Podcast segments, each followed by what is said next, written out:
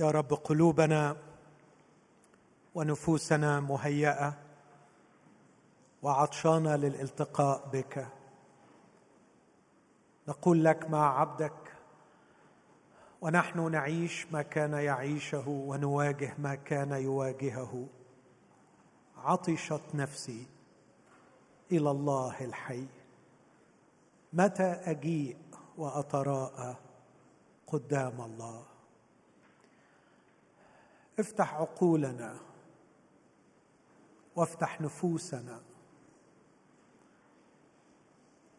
واعمل يا روح الله بقوتك القادرة على اختراق كل أسوار أقيمت وبنيت في داخلنا. تعامل معنا لا بحسب جهلنا في رفضك لكن بحسب رحمتك وحبك ورغبتك في أن تقترب إلينا. كلمنا وعلمنا. بل واعطي كثيرين وكثيرات يبداوا معك اليوم رحلة الخلاص. لأجل المسيح يا أبانا استجب لنا. آمين.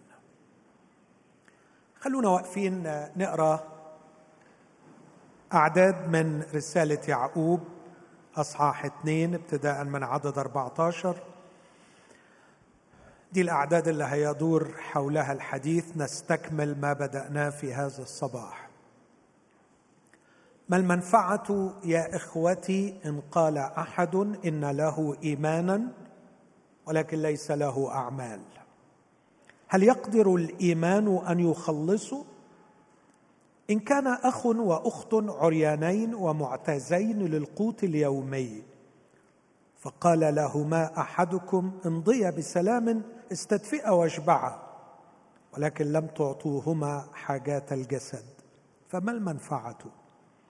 هكذا الإيمان أيضا إن لم يكن له أعمال ميت في ذاته. لكن يقول قائل أنت لك إيمان وأنا لي أعمال.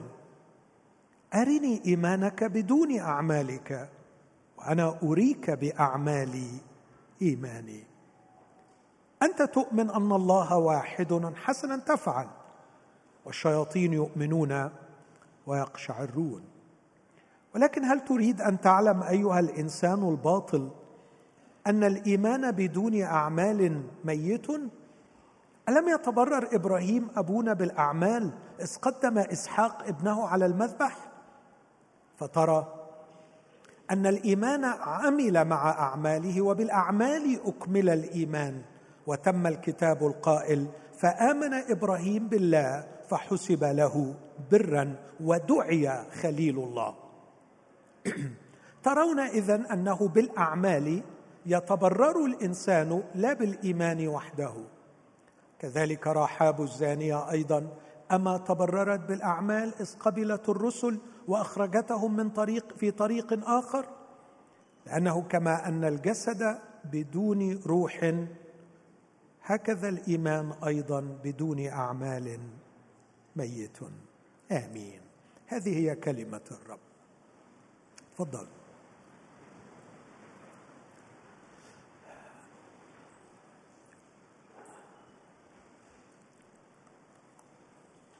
هذه الفكرة التي يدور حولها الحديث في الاجتماع الأول والاجتماع الثاني.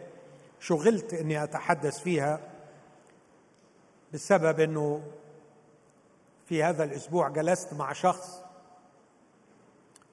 هو يعتقد أنه مؤمن وشعرت بالألم عليه شعرت بالقلق شعرت بالخوف لاني لم ارى اعمال تؤكد هذا الايمان. وحسيت انه خوفي مبرر في محله لأنه لو كنت امين في محبتي لاي شخص ينبغي ان اهتم بخلاص نفسه.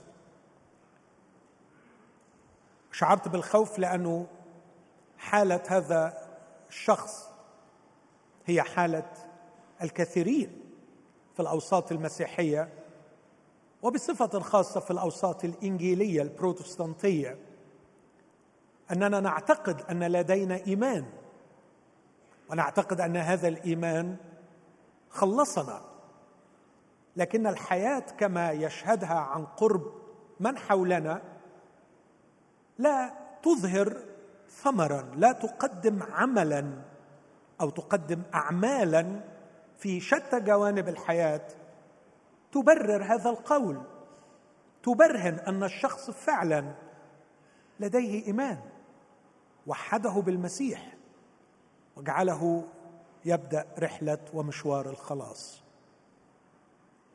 شرحت في الاجتماع الأول على قدر ما استطعت ما الذي نعنيه بالخلاص في المسيحية وأهمية هذا الخلاص وأؤكد على الأهمية رسول بولس يقول أنا صرت للضعفاء كضعيف صرت لليهود كيهودي صرت للذين بلا ناموس كأنه بلا ناموس صرت كل شيء لكل شخص لأخلص على كل حال قوم وقال مرة أخرى إنه له حزن عظيم ووجع في قلبه لا ينقطع لأن غايته من جهة شعبه هي الخلاص. وأزعم يا أحبائي أن عندي هذا الحب وهذا الوجع من جهة كل أخ وأخت يسمعني. ليس لأنه هناك علاقة شخصية أتمنى أن تكون لي علاقة شخصية بكل واحد لكن محدوديتي تمنعني لكني لأني أؤمن أني سأعطي حسابا عن كل مرة تكلمت فيها. هل تكلمت كلاما يساعد الإنسان على خلاص نفسه؟ سأعطي حسابا عن كل شخص فيكم ساب بيته وساب شغله وجي قعد وسمع. شعور خطير بالمسؤولية. يجعلني أواجه كل إنسان وأدعوه بمحبة وباتضاع إلى خلاص نفسه. وأنا أرجو من الرب أن يقنعك وأن يقنعك بأن تبحث عن خلاص نفسك.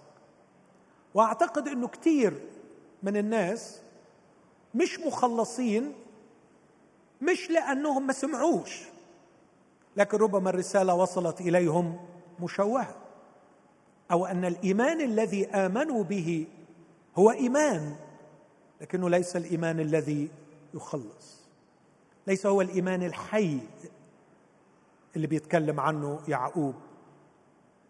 شعرت بتثقل أن أتكلم محاولا أن أفهم ما قاله الرسول يعقوب هذا العمود العظيم المعتبر أنه من أكبر الأعمدة في كنيسة المسيح من المؤسسين. يقول عنه بولس المعتبرين أنهم أعمدة. كان له القول الفصل في أول مجمع من مجامع الكنيسة سجل في سفر الأعمال أصحاح 15 وفي مجمع أعمال 15 تكلم بطرس عن الأمم أنه لا ينبغي أن يضاف للأمم شيء من الأعمال اليهودية لكي يخلصوا لأن الإيمان كافي لخلاصهم. وقال أن لا يثقل على الأمم بأي شيء من الناموس. ما يحتاجوش إنهم يعملوا مجموعة من الأعمال.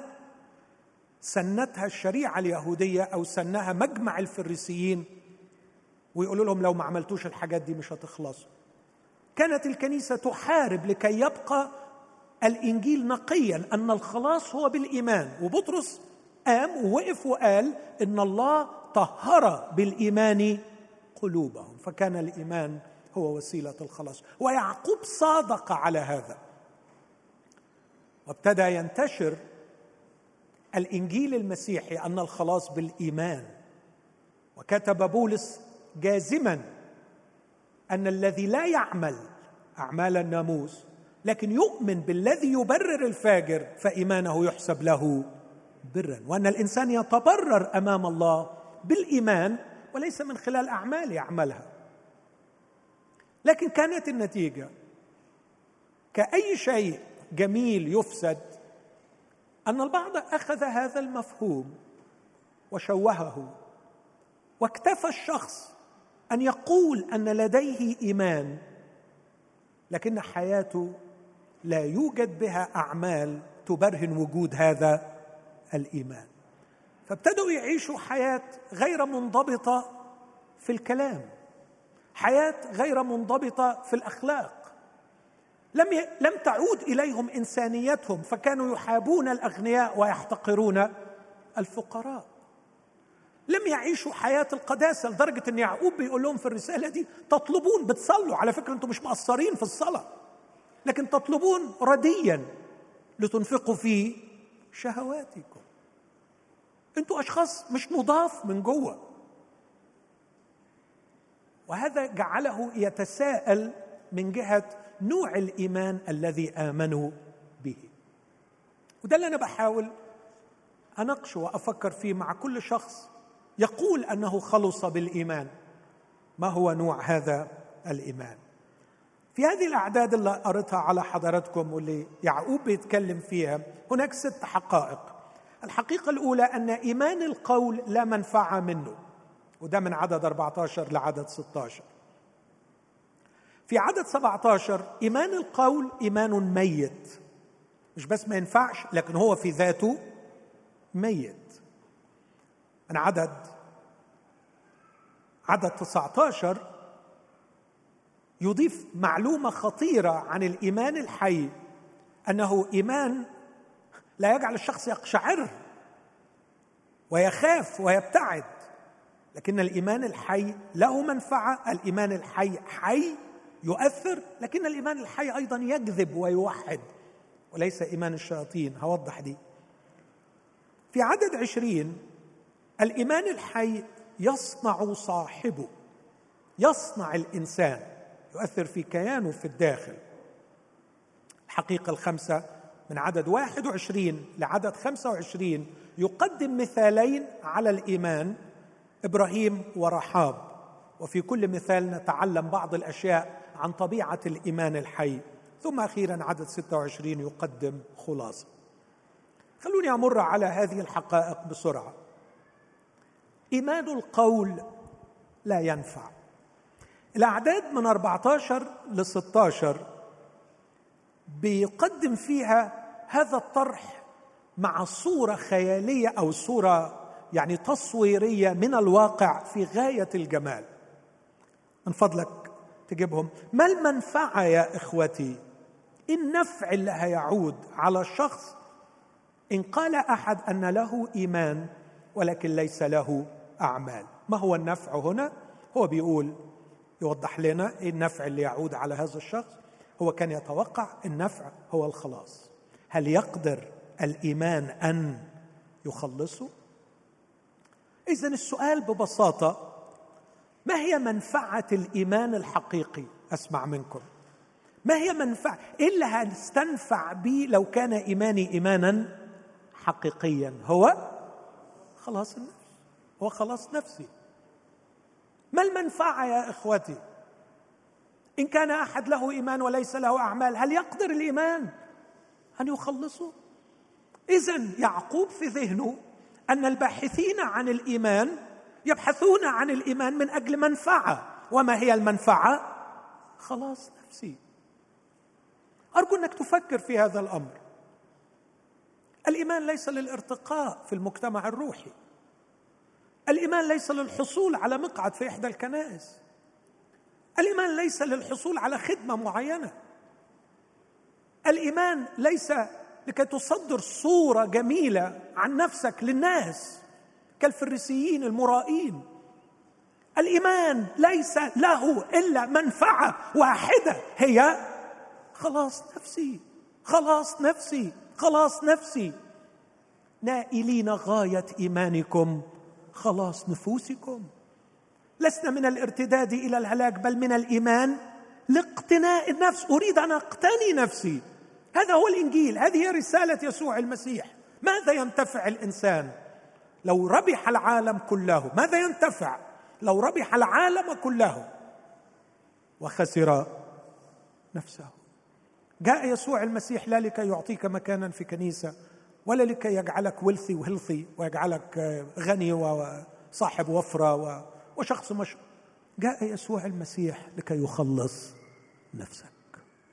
ابن الإنسان لم يأتي ليخدم بل ليخدم ويبذل نفسه. يبذل نفسه فدية عن كثيرين. علشان الكثيرين دول ينال خلاص النفس.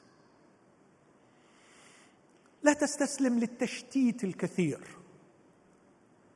اعمل فوكسنج ركز. ركز كل نشاطاتك الدينية. بدل ما تتشتت في مليون شيء ومليون عقيدة وبتفكر في حاجات كتير ركز من فضلك واسأل.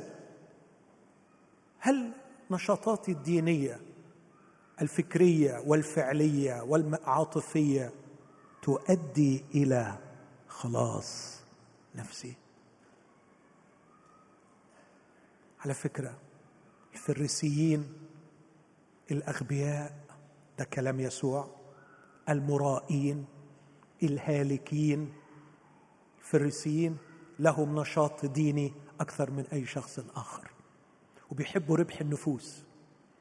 لدرجة إن يسوع يقول لهم أنتم أيها المرائين تجولون البر والبحر لتكسبوا دخيلا واحدا ومتى كسبتموه تجعلوه ابنا لجهنم مضاعفا أكثر منكم جميعا. النشاط الديني لا يعتبر دليل على أنك مخلص. وما هو خلاص النفس؟ شرحت في الاجتماع الماضي أنه يسوع المسيح يسترجع لك إنسانيتك يسترجع لك نفسك يرجع لك نفسك اللي فسدتها وشوهتها وفككتها وحللتها الخطية. يلمك من جوه ويجعلك أو يخلص إنسانيتك من الشيطانية والوحشية والأنانية. ثلاث شرور كبار. إذا لقيت روحك بتدور حوالين ذاتك هذه هي الأنانية. النفس ليست مصممة لهذا.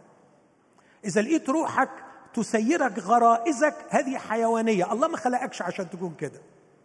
إذا لقيت نفسك عايز تمص وتنهب اللي حواليك فهذه شيطانية. إبليس زي ما بيقول عنه سي إس لويس ما يميزه إنه يمتص الله ما يميزه يفيض لأنه محبة.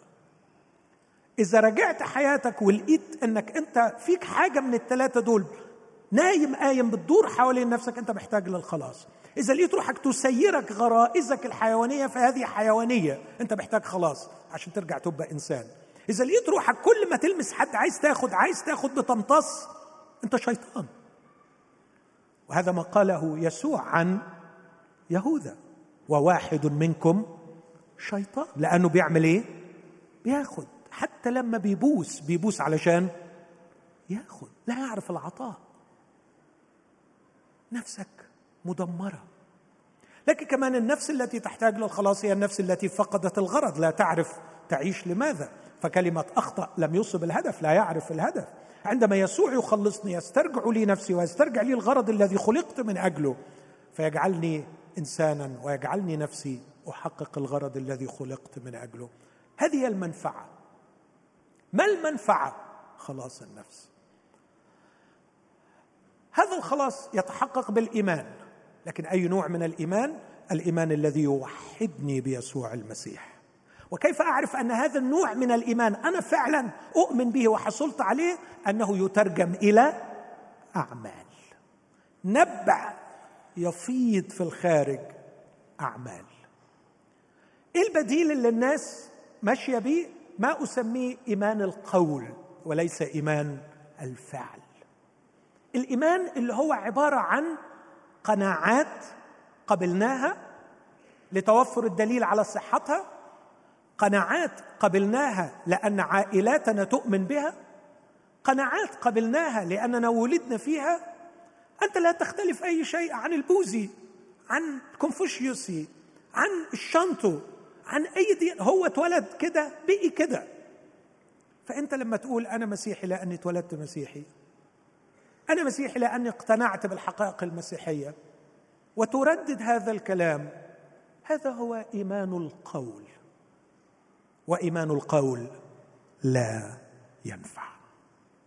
لا ينفع يعني لا يؤدي إلى أسمع منكم عشان أطمن. خلاص النفس. وراح جايب لنا مثال عمل مشكلة بس عمل مشكلة مع اللي بيفكر بسطحية لكن لما نفكر بعمق نكتشف إن ما فيش مشكلة.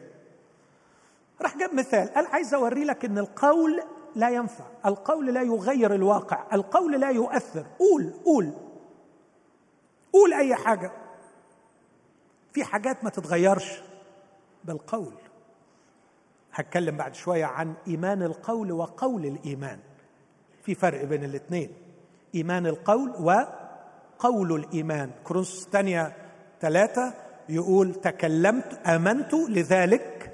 ده موضوع تاني. آمنت لذلك تكلمت. قول الإيمان ده حاجة تاني. لكن إيمان القول راح جايب لك تشبيه جميل. قال لك ما المنفعة يا إخوتي؟ إذا جالك واحد اخ واخت عريانين ومعتزين فأنت وقفت قدامهم وتأثرت بهم وانفعلت بشدة شعوريا وبعدين قلت لهم اذهبا استدفئا واشبع. وقلتها الحقيقة بحماس شديد يعني أكتر مني كده خالص.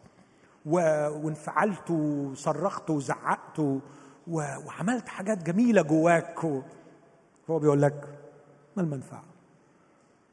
إن لم تعطوهما حاجات الجسد. أين العمل؟ بالضبط بالضبط زي ما الاثنين دول. هو نقل القضية من شيء شخصي إلى الخارج عشان تعرف جدول اللي أنت بتعمله. عندما تقول أنا لي إيمان أنا لي إيمان أنا لي إيمان وتغني عن هذا الإيمان وتسبح بهذا الإيمان وتمدح هذا الإيمان دون أن يكون لك اعمال لا منفعة. عشان يبين لك إنه ما فيش منفعة راح جايب لك مثل براك. لو عندك واحد معتاز وعريان. وقعدت تقول له أحلى كلام. هل كلامك غير في واقعه؟ هل كلامك نفعه بشيء؟ نفس الكلام. فالكلام لا ينفع. البعض راح فهم من دي. واو آه صح. الإيمان القول لا ينفع لكن الأعمال الصالحة هي اللي تخلص والأعمال الصالحة إن إحنا ندي المعتزين وندي الجعانين. يعقوب لا يتكلم قط عن الأعمال الصالحة. لا الأعمال الصالحة على العين والرأس الأعمال الصالحة عظيمة. لكن يعقوب ما بيتكلمش عن الأعمال الصالحة. ويعقوب ما بيناقضش نفسه وما بيناقضش بقية الكتاب وما بيناقضش مجمع أعمال 15 ويقول إن الله حدد للإنسان طريق الخلاص بإنه يدي الفقير والعريان. يبقى هدم المسيحية لو قال كده. يعقوب ما بيقولش كده وحرام تظلمه وتفهمه كده. يعقوب جاب مثال يقول لك إن القول لا ينفع. لكن الأمر محتاج إلى عمل. اعمل حاجة. لم يكن يشرح طريق الخلاص وهو يقول إن في أخ وأخت عريانين روحوا ادوهم حاجة لكن كان يريد أن يؤكد أن القول عندما ينفصل عن العمل لا ينفع. لا بينفع غيرك ولا بينفع نفسك. الفرق بين الإيمان العامل والأعمال الصالحة. الأعمال الصالحة شيء جميل. بس الشيء الغريب جدا إن الأعمال أعمال الإيمان اللي اختارها يعقوب هنا ما أقدرش أقول عنها في المطلق إنها أعمال صالحه بعدين فكرة الأعمال الصالحة دي محتاجة كذا سؤال أرجوكم تسألوه. هو مين اللي يحدد الأعمال الصالحة؟ طب إيه الليستة بتاعت الأعمال الصالحة؟ طب العهد القديم كان فيه 643 وصية نواهي وأوامر تعمل وما تعملش. طب هل أمشي على الليستة دي يعني؟ إيه الأعمال الصالحة؟ طب أنا كل يوم بواجه 100 موقف وعايز أعمل الصلاح فيهم. طب أمشي طبقا فين الليستة اللي تقول لي أدخل الحمام إزاي طيب؟ ما الناس وصلت لكده لا أنا عايزة لسته عايزة تعمل الصلاح. عايز اعمل الصلاح اسلم إزاي؟ والبس إيه؟ واكل إزاي؟ وابدأ الاكل إزاي؟ وابدأ الحركة إزاي. خلاص بقيت روبوت محتاج. لستة. ما هي الأعمال الصالحة؟ ومين اللي يحدد ال list بتاعت الأعمال الصالحة؟ ده سؤال المفروض أي إنسان بيفكر يطرحه على نفسه. السؤال الثاني الأعمال الصالحة طبقا لتعليم المسيح لا تخرج إلا من قلب صالح. وعلى فكرة المسيح أكد على هذا الأمر لكنه ليس المفكر الأول الذي قاله. أرسطو من زمان قال ما هي الفضيلة؟ قال ما يفعله الرجل الفاضل. فالرجل الفاضل هو مقياس الفضيلة. أنت تكون فاضل من جوه اللي هتطلعه هو الفضيلة. يسوع أكثر من مرة في أكثر من مكان يقول الإنسان الصالح من كنز قلبه الصالح يخرج الصالحات. اذا الأمر يحتاج إلى معجزة الإيمان التي تغير القلب وتجعله قلبا صالحا علشان الإنسان يقدر يطلع الصالحات. وساعتها الصالحات دي بقى مش طبقا للستة لكن طبقا لعلاقتك مع الله في اللحظة التي اتخذت فيها القرار أن تفعل هذا الشيء. العمل الصالح سيخرج ليس طبقا للستة للقائمة. لكن سيخرج طبقا لعلاقتك بالله التي تحدد ما هو العمل الذي ينبغي أن تعمله في تلك اللحظة. ما أقدرش أقول العمل الصالح إنك تبتسم في وجه كل إنسان فالابتسامة صدقة. لأنه في مرات أحتاج إني أعبس. كتاب قال الوجه المعبس يعمل إيه؟ يطرد لسانا ثالبا يعني لو واحد جاي عمال يمسك سيرة ناس الحقيقة مش صالح ابدا إنك تبتسم له لازم توقفه عند حده. فيبقى العبوسة في هذه الحالة هي العمل الصالح. العمل الصالح إني أحب كل الناس وآكل مع كل الناس. كمان دي هتقول لي أنا أحب كل الناس وآكل مع كل الناس. على فكرة في أعمال كثيره الكتاب قال عن بعض الأشخاص لا تخالطوا مثل هذا ولا تؤكلوه الكتاب علمني إنه هناك أشخاص ينبغي أن اجتنبهم اجتنبوا مثل هذا. فالاجتناب أحيانا يكون عمل صالح. العمل الصالح إني أدي أي حد أي حاجة. ده اسمه إفساد وتدليل وهبل. لأنه ممكن يكون شخص نصاب وأنت بتساعده على النصب بتاعه. ممكن يكون مستغل وأنت بتساعده على بتساعده على مزيد من ده مش عمل صالح خالص ده عمل أهبل. ما هو العمل الصالح؟ قلب صالح في علاقة مع الله. تقود علاقته بالله للتصرف الصحيح في الوقت الصحيح بالقدر الصحيح بالدافع الصحيح للغرض الصحيح. هو ده العمل الصالح. أقول تاني علاقتي بالله تجعلني أتصرف في الموقف في مئة موقف كل موقف ما عنديش لستة ما عنديش قايمة أرجع لها. أقول هو هو في الموقف ده لو أنت راكب المترو وجي واحد مش عارف عمل إيه تقول إيه؟ ما فيش الكلام ده. إني أريد أن أفعل الصلاح في كل حين. إني أريد أن أفعل الصلاح في الخفاء. إني أريد أن أفعل الصلاح في عملي. إني أريد أن أفعل الصلاح في عائلتي. أريد أن أكون فعلا فائضا بالصلاح. أخرج الصلاح.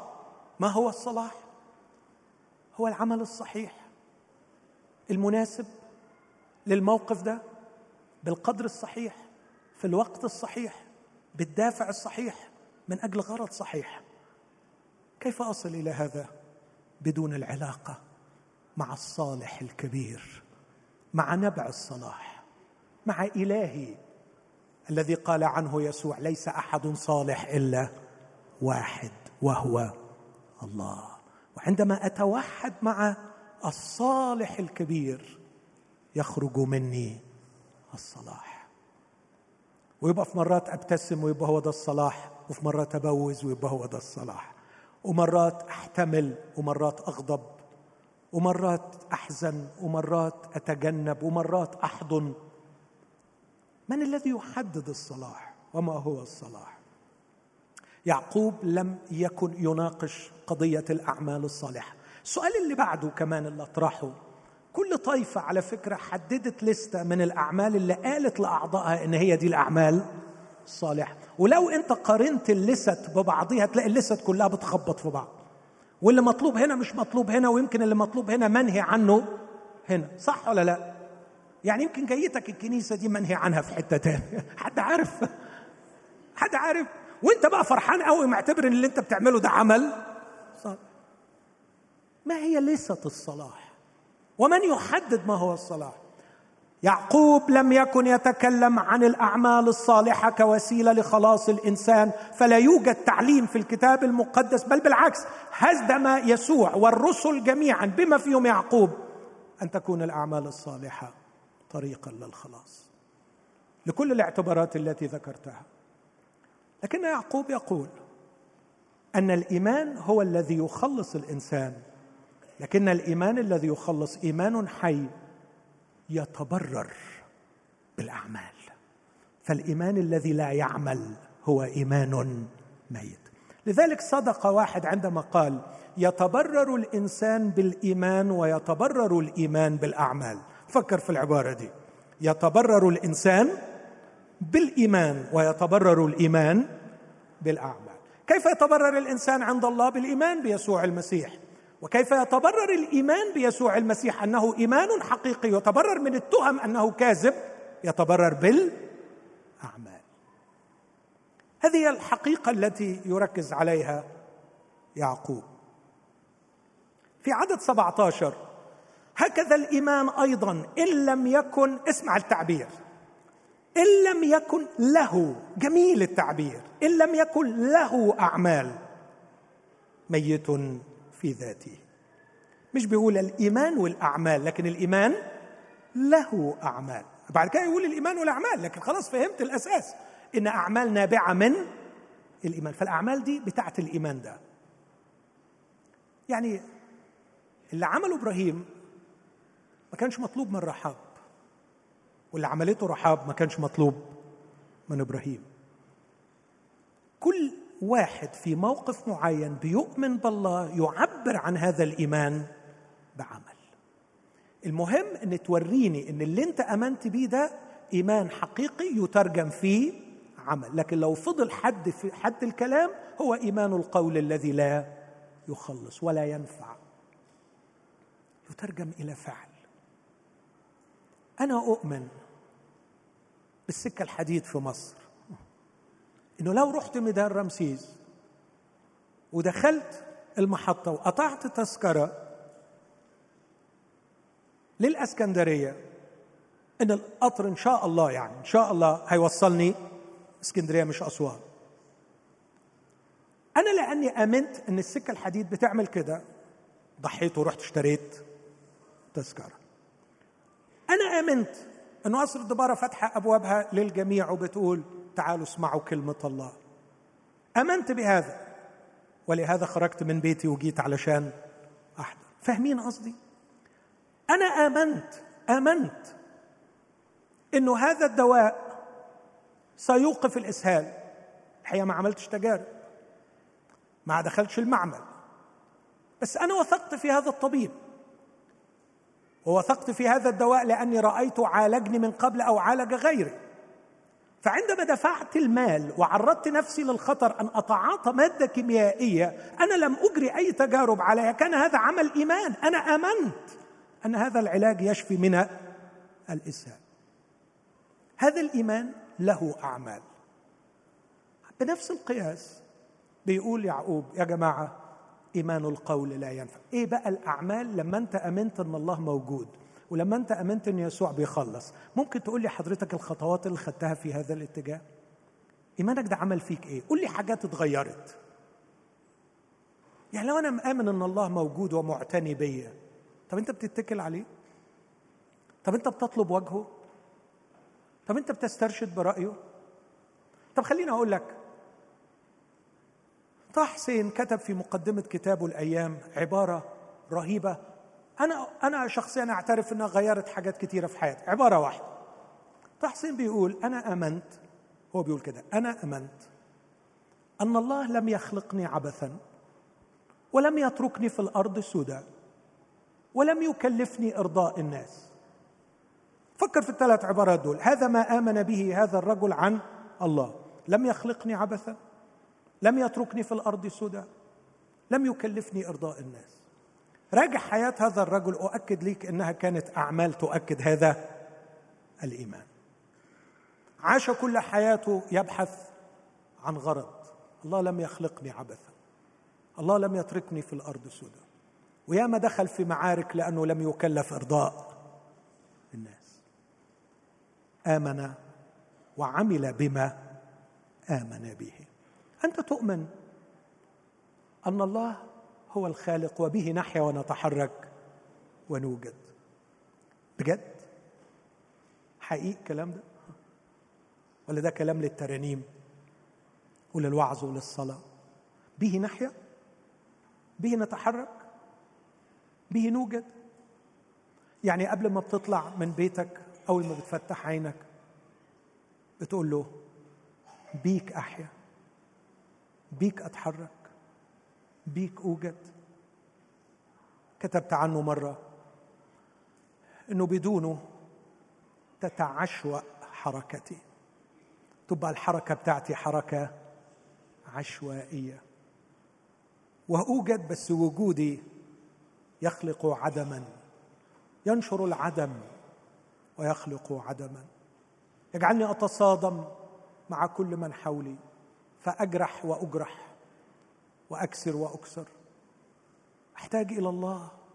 ده لو أنا مؤمن إنه هو خالقي ما مدى علاقتي به ما مدى التصاقي به هل أؤمن بيسوع المسيح إنه مات على الصليب وقام؟ كلنا بنقول بنؤمن ده فرق إيه في حياتك؟ هل بيخليك تسعى إلى خلاص نفسك وبتفكر معاه وبتتكلم معاه وبتقول له أنا مؤمن بإن أنت مت وقمت عشان أنا ما أفضلش فسدان؟ أنا مؤمن إن أنت مت وقمت عشان ما أفضلش عبد للخطية. أنا مؤمن إنك أنت مت وقمت علشان أسترجع نفسي وأسترجع الغرض الذي من اجله خلقت وأعيش حياة لها معنى ولها قيمة وأعرف روحي أنا مين وأنا هنا ليه. ولا بؤمن إن يسوع مخلص ده مادة للتسبيح وليس للفعل. إيه اللي عايز كمان يعقوب يشرحه لنا. عايز يميز ما بين العقل والإرادة. إيمان القول مرتبط بالعملية النشاط الفكري وده سهل. لكن إيمان الفعل مرتبط بالإرادة. اللي بيجيب الفعل هو إن العقل أثر على الإرادة فاتخذت القرار. اللي بيعمل الأفعال هو هي الإرادة. وأنا أحب أحذر وأقول إذا لم توجه الإرادة بالإيمان لن يبقى لها إلا الرغبة لتوجهها. والرغبة لا تبحث عن الصواب تبحث عن الإشباع والنفس لا تشبع. فتظل الرغبة تأتي للنفس بالكثير فتتكلس النفس ولا تشعر بالشبع حتى تصل إلى حالة التوحش والدمار الكامل. احترس. إذا لم يوجه الإرادة الإيمان والإيمان بالمفهوم اللي فهمناه إنه علاقة مع الله اتحاد بيسوع المسيح. الإيمان الذي لا يعمل هو إيمان ميت ميت. لا, لا يؤثر على الإرادة. عدد 17 هكذا الإيمان أيضا إن لم يكن له أعمال ميت في ذاته. لماذا ميت في ذاته؟ لأنه لم يلمس الإرادة. هو ميت. هو مجرد استقبال سلبي لبعض الحقائق لكنه لم يؤثر على الإرادة. عشان كده قلت الشخص اللي بيروح يفجر نفسه إيمانه حي لأنه بس إيمانه حي بحاجة غلط لكن لأنه لمس الإرادة. يقول قائل أنت لك إيمان عدد 18 بيوضح الفكرة ويؤكدها. لك إيمان وأنا لي أعمال. أنت بتقول أنا لي إيمان وأنا بقول لي أعمال. بص التحدي الجميل ده. أرني إيمانك بدون أعمالك. وأنا هقرأ غلط. ركزوا معايا. هقرأ غلط. أرني إيمانك بدون أعمالك بنفس القياس وأنا أريك أعمالي بدون إيماني. بس هو ده القياس لو أنا هعمل نفس القياس. واخدين بالكم من اللي عايز أقوله؟ بس يعقوب ما بيقولش أريك أعمالي بدون إيماني. لأنه يعقوب مقتنع إنه ما فيش أعمال بدون إيمان. وأن الأساس في الحياة المسيحية هو الإيمان. بس بص الجمال ارني إيمانك بدون أعمالك. مش أنت عندك إيمان وأنا عندي أعمال. لا. أرني إيمانك بدون أعمالك. وأنا أريك باعمالي إيماني. فالأعمال قيمتها أنها تظهر أن الإيمان موجود. يعني واحد عنده إيمان وواحد مش عنده أعمال. عنده إيمان يعمل. هقول تاني. واحد عنده إيمان وواحد عنده إيمان إيه؟ يعمل. هو ده الفرق بين الاثنين عدد 19 ينتقل لفكرة جديدة رائعة. أنت تؤمن أن الله واحد. حسنا تفعل والشياطين يؤمنون ويقشعرون. وقفت كتير قدام كلمة يقشعرون في اليوناني. ولقيت ليها معاني كبيرة. الخوف الارتعاد والابتعاد. الخوف والارتعاد والابتعاد. ليه؟ هناك رغبة كانت عند الشياطين أن تتاله قال كبيرهم اصير مثل العلي. اجلس على جبل الاجتماع. يجلس فوق جميع كواكب الله. لكنه اصطدم بالحقيقة أن الله واحد وليس غيره. كأنه بيقول له بعدك تقدرش. You cannot. ممنوع. الله واحد. وعندما آمنوا بهذه الحقيقة لم يحبوها لم يقبلوها لكنهم ارتعدوا وابتعدوا. لكن الرب يدعونا لنوع من الإيمان.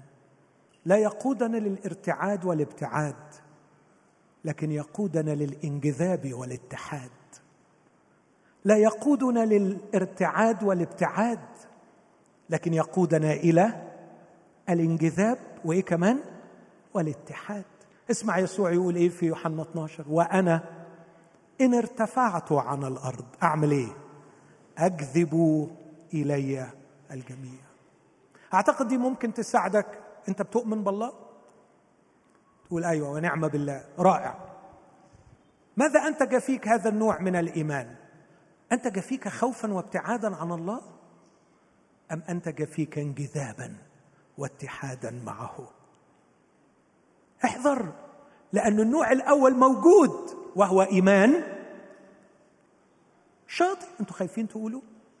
هو أنا بخوف. طب ليه خايفين تقولوا؟ عايزين أنا أشيلها لوحدي يعني هشيلها ما عنديش مشكلة. أنت تؤمن أن الله واحد حسنا تفعل. ما أجملك وأنت توحد بالله وتؤمن أن الله واحد. ما أجملك. بس السؤال المهم ما الذي أنتج فيك إيمانك بالله الواحد؟ هل أنتج فيك ارتعادا وابتعادا أم انجذابا واتحادا؟ هل انجذبت إليه وأحببته؟ واشتهيت أن تتوحد به وأن تصبح ابنه وتصبح له. أم أن إيمانك بالله الواحد يخيفك ويبعدك عنه؟ هذا الإيمان أعتقد أنه أخطر من الإيمان الميت. ده إيمان إيه؟ إيمان إيه؟ شياطين. الإيمان ده إيمان شياطين. يعني هناك عمل للشيطان. يشوه صورة الله في ذهنك. هو حس إنك شكلك هتآمن هتآمن. فأنا مش قادر أمنعك هو مش قادر يمنعك عن الإيمان بي فيشوه لك صورته ويخوفك منه ويخليك تعمل إيه؟ تبعد عنه. فالشياطين أيضا يؤمنون. لكن عندهم قرار مسبق برفض الله والابتعاد عنه. وعندما يكتشفون جبروته وقوته لا يفرحون ويبتهجون به لكن يرتعدون ويبتعدون عنه. كانوا كلما قابلوا سيدي يسوع المسيح يصرخوا هل أتيت قبل الوقت لتعذبنا؟ كانوا يخافون منه ويرتعدون منه. أوعى يكون عندك هذا الإيمان.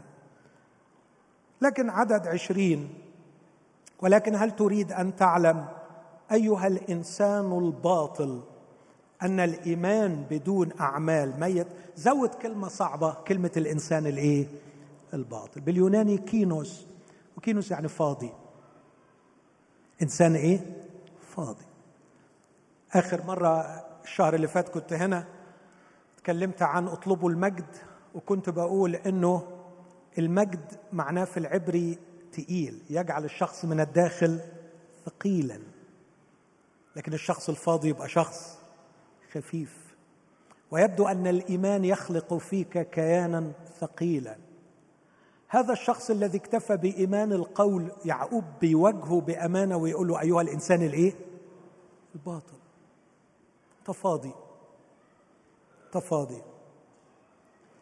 أعتقد إنها نعمة من نعم الرب علي أنه يتيح لي الفرصة أن ألتقي بنوعيات مختلفة من الناس من طبقات مختلفة من خلفيات مختلفة. وفي اليوم الواحد أحيانا يعني أتعرض لطيف فمرات كثيره أشعر بحد من بعيد بس تقيل وحد من قريب بس لا فاضي خالص فاضي. وقلبي بيحزن. وأقول كيف أن العطش في هذا القلب خلق فيه كيانا ثقيلا. وكيف أن كل الحقائق الكتابية في ذهن هذا الشخص لم تخلق فيه إلا فراغا ووهما. أقول تاني اللي قلته؟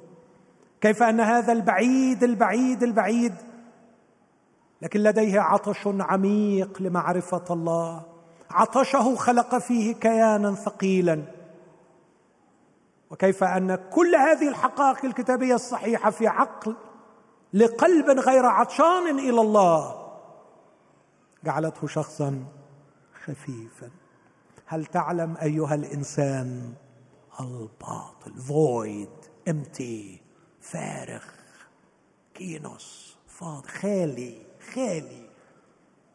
الإيمان بدون أعمال يجعل الشخص خاليا وفارغا.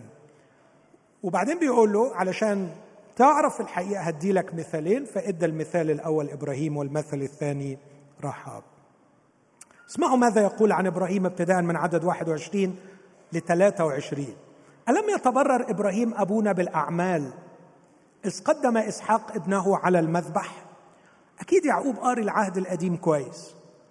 وعارف كويس قوي إنه إبراهيم قدم إسحاق على المذبح في تكوين 22 بس الآية اللي بتقول آمن إبراهيم بالله فحسب له برا موجودة في تكوين 15 والفرق بين الاثنين عشرات السنين عشرات السنين.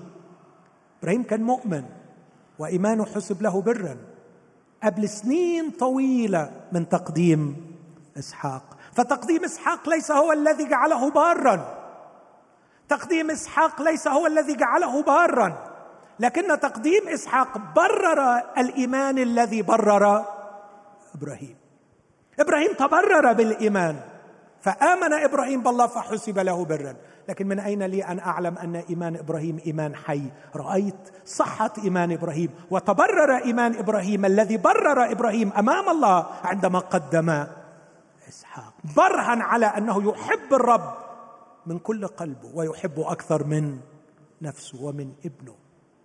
تبرر بالأعمال. أي تبرر أنه مؤمن وله إيمان بالله. تبرر بالأعمال عندما قدم إسحاق. لكن هنا أيضا تضرب في مسألة الفرق بين أعمال الإيمان والعمل الصالح. لأن ما عمله إبراهيم خارج القصة خارج القرينة بتاعته ليس عملا صالحا. لكنه كان عمل إيمان. مرة أخيرة أقول علينا أن نميز بين العمل الصالح وعمل الإيمان. نفس الكلام بالنسبة لرحاب. ما فعلته رحاب لم يكن عملا صالحا. لكن كما شرحت في الاجتماع الماضي الإيمان نقلها إلى قصة أخرى. فخرجت من قصة شعب كنعان وسيادة كنعان وارتبطت بالشعب الجديد واشتاقت أن تكون منه. عرفت أن القضاء حصل. صدقت. سمعنا خبركم فذابت قلوبنا علمت أن الرب قد أعطاكم الأرض. لما ترجعوا تقروا الأصحاح ده تكتشفوا حاجة غريبة. إن الرسل بيقولوا لها ويكون إذا أعطانا الرب الأرض. وهي بتقول لهم أنا علمت أن الرب. الموضوع خلص بالنسبة لي. إيه الجمال ده؟ أنت سمعتي الخبر وصدقتي بهذا الشيء؟ آه. فأنا خلاص أول ما عرفت أن الرب أعطاكم الأرض رغبت في قلبي أن أنتمي لهذا الإله وأصير من هذا الشعب. أريد أن أكون جزءا من هذا الشعب. وهو من فوق يسمع ويقول لا يا حبيبة قلبي مش هخليكي بس من هذا الشعب هخليكي جدتي هخليكي جدتي. أنتوا عارفين رحاب بقيت؟ جدة ليسوع. ده أنا أدخلك أدخلك ونص. أنت آمنتي بيا في هذا الوقت العصيب؟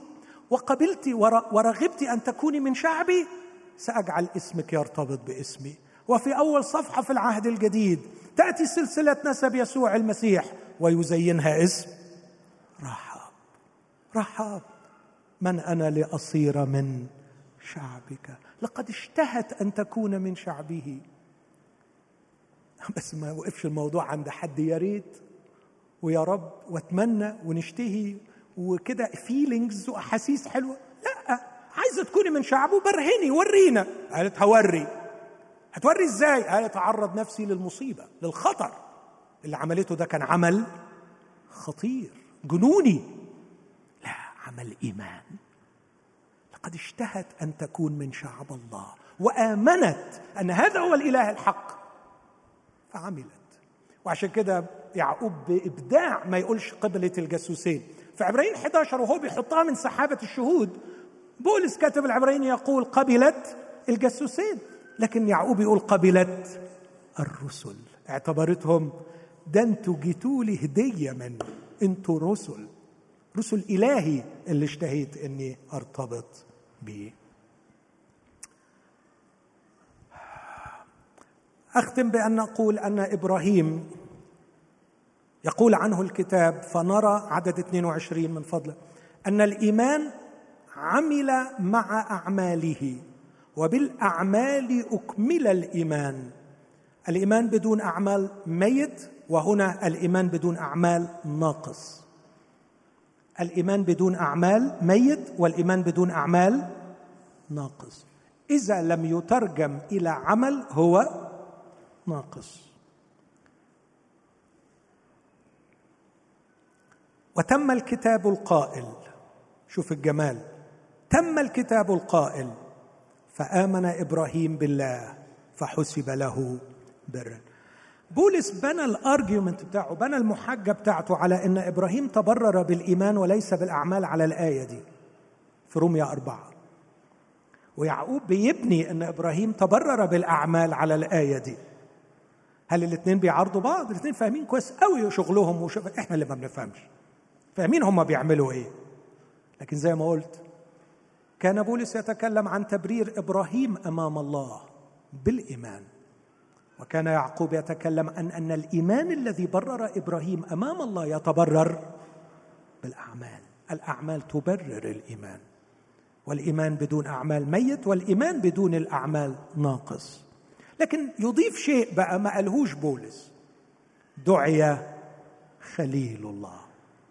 هنا أقول أن الإيمان لا ينتج أو عفوا العمل عمل الإيمان لا ينتج ثوابا ينتج كيانا. فكر معايا في العبارة دي. الناس لما بتعمل الأعمال الصالحة عايزة إيه؟ ثواب. وإيه هو الثواب؟ يروحوا الجنة. يخلصوا من الجحيم. وده فكر استغلالي تجاري. يعني ده أسميه الإيمان التجاري. بزنس بيعمل صفقة مع ربنا. هعمل لك وهعمل لك وهعمل لك وفي الآخر أوعى يعني مخك ياخدك لبعيد وتفكر إني بحبك. مش مش للدرجة دي يعني. مسألة مش كده خالص. أنا هعمل لك واعمل لك واعمل لك. طمعا في جنة وخوف من نار. مسيحيين بيعملوا كده. هدي الفقراء. مش لأن قلبي وجعني عليهم وبحبهم وأريد أن أفيض بالصلاح. كله في ميزان الحسنات. ادي. ادي علشان مرة عصام عبد المنعم كتب وهو كاتب رياضي كان بينتقد اتحاد الكرة ويقول لهم هو أنا كل ما أقول لكم على سيئاتكم تقولوا له افتكر لنا الحسنات. أنا عايز أقول لكم إن الحسنات تمحو السيئات ده قانون السماء لكن لا يصلح في الأرض. قلت عجبي الأرض ترفض قانونا. شايفين إنه يصلح للسماء لكنه لا يصلح للأرض. نعم هو قانون لا يصلح لإصلاح حال اتحاد الكرة ولا سيما في هذه الأيام. لكن عجبي الناس يرون أن هذا القانون يصلح حال الإنسان من قديم الزمان. يا للخداع! الإنسان لا يتبرر بحسنات يفعلها. يتبرر باتحاد مع الله يخلق فيه كيانا فاضلا صالحا يفيض بالصلاح. يقول المعلم الإنسان الصالح من كنز قلبه الصالح. إنه يفعل الصلاح لأنه هو صار صالحا. وعلى فكرة لما هيروح السماء مش هيروح السماء عشان عمل الصلاح هيروح السماء لأنه هو صالح. فيستحمل القعدة مع ربنا لأنه الكيان اللي مش صالح ما يستحملش نور حضرة الله. يترعب ويشتاق للجحيم. وربنا هيديله شهوة قلبه يقول له لتكن مشيئتك. ابعدوا عني اذهبوا عني. كيانك فزدان عمل الإيمان لا ينتج ثوابا ينتج كيانا. فدعي إبراهيم خليل الله. واو.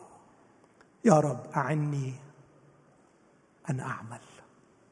وأعمل وأعمل. فيبدو أني كلما أعمل يتغير كياني إلى الأفضل. حتى أصير ذلك الكيان القادر على مجالستك والقادر على الشركة معك.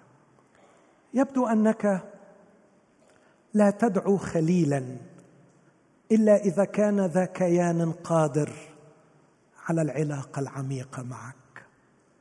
هبني ان أعمل وأعمل. وسأتخذ من كل تحدي يواجهني فرصة لكي أعمل. فإذا تعرضت لتجربة بنعمتك سأقاوم حتى الدم ضد الخطية. كيما ينمو كياني خطوة نحو مصادقتك. لكي أكون صديقك وخليلك. وعندما يواجهني ضيق سأتحمل وسأصبر عالما أن الضيق ينشئ صبرا والصبر تزكية لكي تتزكى شخصيتي ويتزكى كياني ويحظى بهذا النشان العظيم أدعى خليلك. هل لي يا رب؟ خلونا اقولها بالبلدي وأنت ممكن تصاحبني. وممكن الحب بينا يوصل لحد. الصحوبية. نفسي أصاحبك. نفسي أصاحبك.